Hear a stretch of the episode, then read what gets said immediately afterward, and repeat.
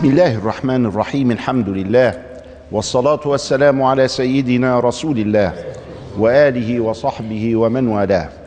مع أنوار سيدنا النبي صلى الله عليه وسلم نعيش هذه اللحظات. عسى أن تنال بركته في الدنيا وشفاعته في الآخرة. وصلنا إلى السنة العاشرة وأتممناها ورأينا النبي صلى الله عليه وسلم ذهب إلى الطائف يدعو ثقيفا ولكنهم أبوا أن يدخلوا في دين الله ودخلوا بعد ذلك بمدة مديدة. ورجع النبي صلى الله عليه وسلم إلى مكة ودخلت سنة 11 وفي سنة 11 اتصل بالقبائل والتقى بالوفود. إذا فقد سافر من مكة إلى مواطن القبائل المختلفة. منهم فزارة ومنهم كندة ومنهم غسان ومنهم عبس ومنهم آه بنو حنيفة.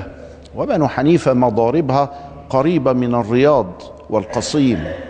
إذا فقد سافر لأن في بني حنيفة ذهب إلى مضاربهم إلى منازلهم. إذا فرسول الله في هذه السنة سافر وسافر كثيرا. ومنهم من التقى به في مكة إما في الموسم في موسم الحج أو في بعض الأسواق في ممرات التجارة إلى آخرها. فكان لا يجد قبيلة إلا وجلس مع أهلها. وكان أشد الناس ردا له بالرد القبيح. هم بنو حنيفة. قاتلهم الله حينئذ لأنهم آذوا حبيبي صلى الله عليه وسلم. ولم يقتصر اللقاء مع القبائل في منازلها أو مع الوفود في مكة بل أيضا تكلم مع الأفراد. من هؤلاء الأفراد سويد ابن صامت. وسويد بن صامت من يثرب من المدينة فيما بعد. وسويد بن صامت كان اديبا شاعرا نقادا. وسويد رضي الله تعالى عنه جاء إلى مكة وجلس مع النبي صلى الله عليه وسلم ودعاه إلى الإسلام وقرأ عليه القرآن فقال والله إن هذا لخير وإنها لدعوة خير.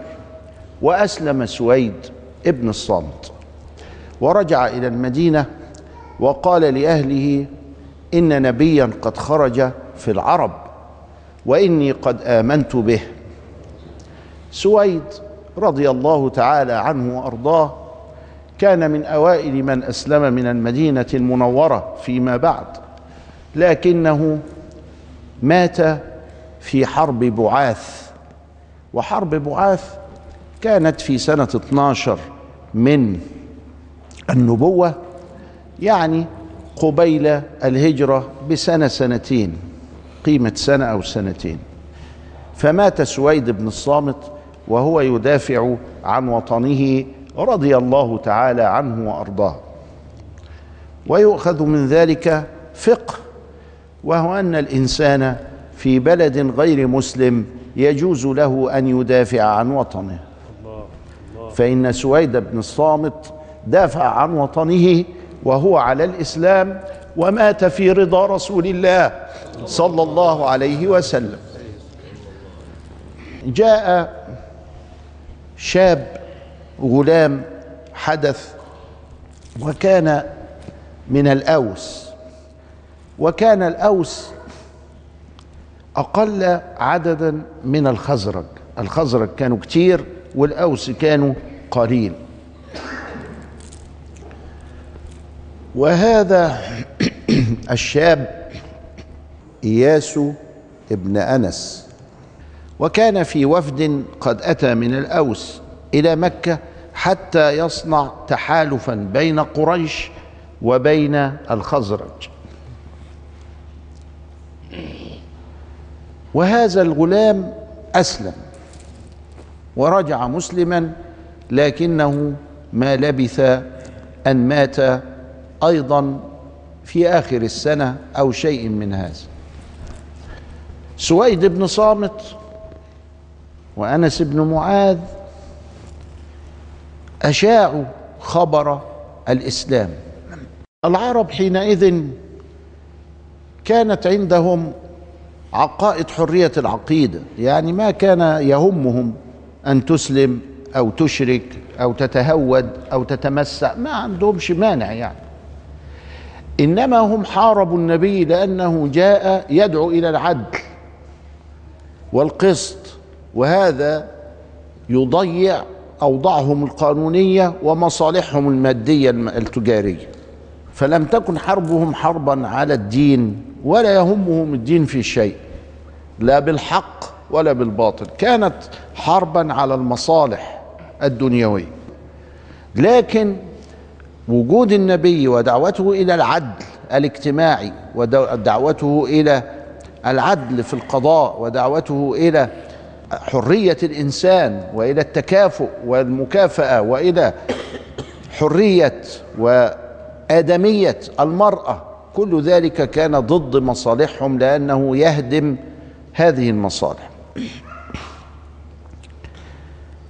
سويد بن صامت أشاع الخبر فوصل الخبر إلى قبيلة بجوار المدينة مرابطها مرابطها بجوار المدينة المنورة وهي مدينة غفار.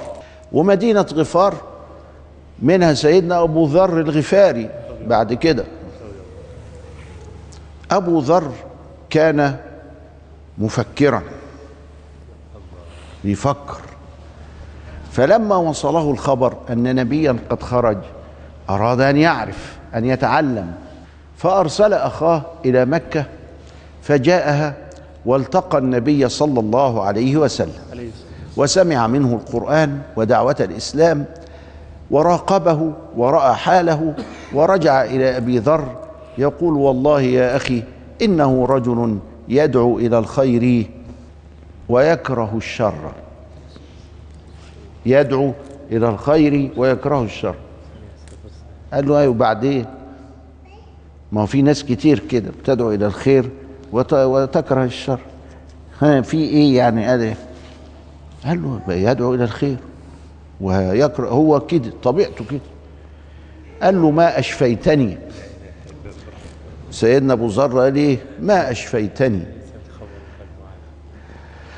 وخد بعضه وراح كما في البخاري إلى مكة. ونزل وقال أريد أن ألقاه سرا. ما حدش يعرف. فترصده عند البيت الحرام أربعين يوما.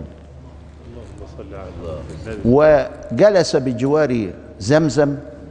وفي زمزم جلس يشرب أربعين يوما.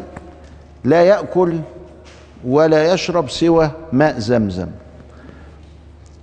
بيقول لغاية ما خسيت كده وبقيت حلو. كده يعني إنه يعني جسمه اتصلب. وزمزم طعمة لمن طعم وسقيا لمن سقى.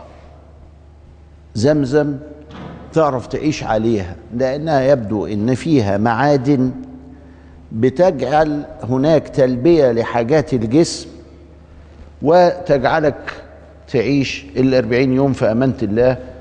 ولذلك هناك الأطباء في الطب القديم يقول لك امتنع عن الطعام أربعين يوم واشرب المية دي. وإنت تخف من كثير من الأدواء. نعم. طعام طعم وشفاء سقم وبعض المحدثين عمل كده. قال فوجدتها قد ذهبت بكثير من الأدواء ولم تذهب بأدواء أخرى.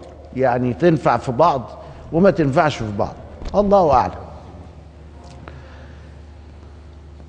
أبو ذر ترصد مش عارف مين محمد. لكن ربنا بعت له سيدنا علي ابن أبي طالب. سيدنا علي بيراقبه. وهنشوف بقى مراقبة سيدنا علي بعد قليل. والله أعلم.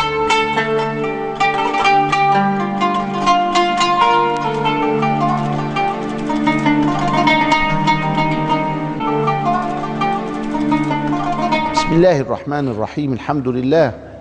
تكلمنا قبل الفاصل عن سيدنا علي وأنه كان يراقب أبا ذر. راقبه اليوم والاثنين والثلاثة وعرف أنه غريب وأنه كأنه يبحث عن شيء. وبما عند سيدنا علي من شفافية جاءه وقال له الرجل غريب. قال نعم. قال من أين؟ قال من غفار. قال اتبعني. وأخذه إلى البيت. لما أخذه إلى البيت إحنا دلوقتي سيدنا علي في هذا الوقت قارب العشرين. أخذه إلى البيت ضيفه ونيمه عنده.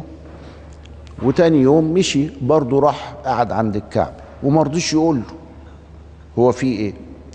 فراح له تاني يوم قال أما آن لأخينا أن يذكر منزله؟ يعني انت عايز انهي منزل؟ يعني انت حيران. قال أقول لك وتكتم خبري. قال نعم قل لي واكتم خبر. قال جئت لرجل يدعي انه نبي. قال اذا رشدت. يا ربنا إيه؟ وقعك فيا. أنا اتبعني. فإذا رأيت ما أكرهه لك ذهبت إلى الحائط وكأني أصلح نعلي. الحركة بتاعت إيه؟ الناس وهي بتراقب بقى يجي للحيطة ويحط رجله كده إيه؟ بيربط الجزمة يعني أو ها؟ كأنني أصلح نعلي. فتمر أنت. يبقى أنت مش تبعي ولا حاجة. والراجل اللي أنا خايف عليك منه فاتبعه على هذا فأوصله إلى النبي ولا حد دريان بيه فسمع منه القرآن وسمع منه صلى الله عليه وسلم دعوة الإسلام فأسلم مكانه. يعني لا راح ولا قال له فكر ولا خلاه مفكر. فعارف الكلام. أسلم مكانه رضي الله تعالى عنه والنبي صلى الله عليه وسلم شفيق بأمته رحيم بأتباعه. فقال يا أبا ذر اكتم هذا حتى إذا وصلت إلى قبيلتك فامكث حتى إذا ما سمعت بظهورنا ائتنا. الواحد لو كان مكان أبو ذر كان فكر إن النبي بيأمره كده يعني. لكن الناس دي كانت إيه؟ قلوبها منيرة. آه. أنا لو النبي قال لي كده أقول له حاضر. النبي اللي قال لي هعمل أنا إيه؟ اخد بعض يقول له حاضر. سيدنا أبو ذر ما قالش حاضر. قال له الذي بعثك بالحق لأصرخن بها بجوار بيت الله الحرام. الله. الله. يا أخينا لم الدور. وارجع بلدك واكتم الأمر ولما تظهر نظهر تيجي بالقوة. وهذا هو الأصل لأن الناس نفسيه لكن نفسيه سيدنا أبو ذر ولذلك يسمونه الثائر الحق اللي هو سيدنا أبو ذر. كان ثائرا ما كانش يقبل الضيم. وليه قصة طويلة في حياته. حتى قال له النبي صلى الله عليه وسلم ستعيش وحيدا وتموت وحيدا وتبعث يوم القيامة وحيدا. وحيدا ده بقى زي إيه؟ الفي اي بي يعني حاجة خاصة كده لوحده ها؟ ال ال very important person الوحيد ده VIP يعني هو يعني حاجة كبيرة قوي يوم القيامة فهو معمول له مقصورة لوحده كده يعني. وتموت وحيدا وتبعث يوم القيامة وحيدا. ففعلا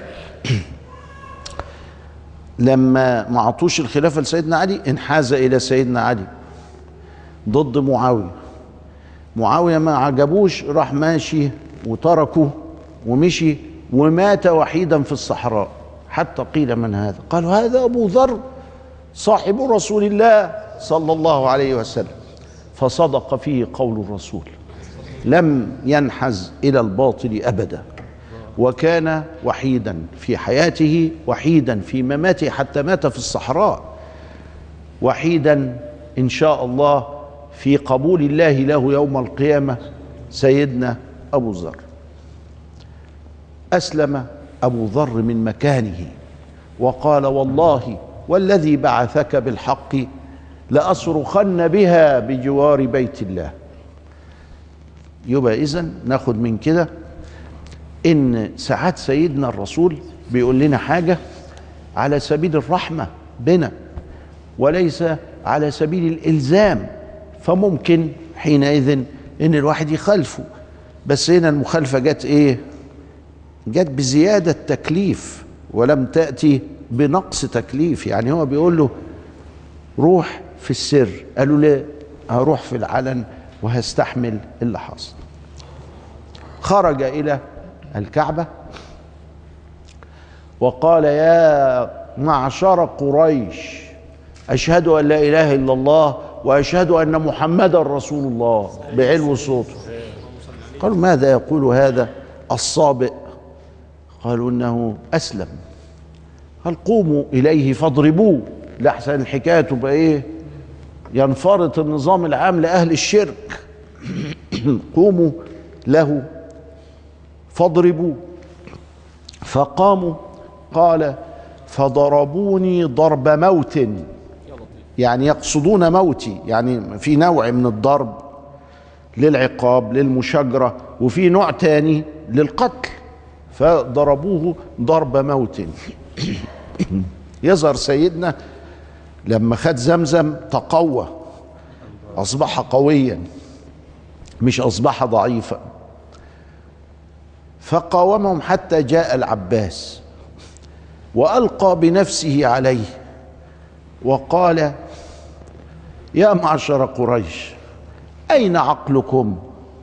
هذا من غفار وهي في طريقكم إلى الشام. والله لو قتلتموه ما تركوكم. آه بيكلمهم بإيه؟ بالمصالح. باللغة بتاعتهم بالمصالح مش بالمبادئ. لما تقتلون رجلا؟ أن يقول ربي آه الله. لكن لا هو ملوش دعوة بربي الله ولا خلافه. هو ليه دعوة؟ اللغة. إنه فين المصالح؟ أنتوا عارفين لو قتلتوا ده ما فيش تجارة خلاص. يبقى اتخرب بيتكم. فتركوه على طول فاهمين مصالحهم فين. ثم جاء من يومه الثاني ففعل مثل ما فعل بالأمس.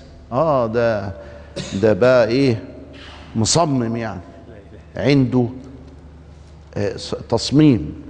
فقاموا إليه فضربوه بس مش ضرب موت بقى ضرب على خفيف كده. فجاء العباس ففعل مثل ما فعل وقال لهم مثل ما قال فأجابوه بمثل ما أجابوه يعني تركوه في حاله وأبو ذر يأخذ بعضه ويروح لغفارة ويمكث بها إلى أن يهاجر النبي صلى الله عليه وسلم إلى المدينة فيلحق به في المدينة ويكون فيها على هذا الشأن.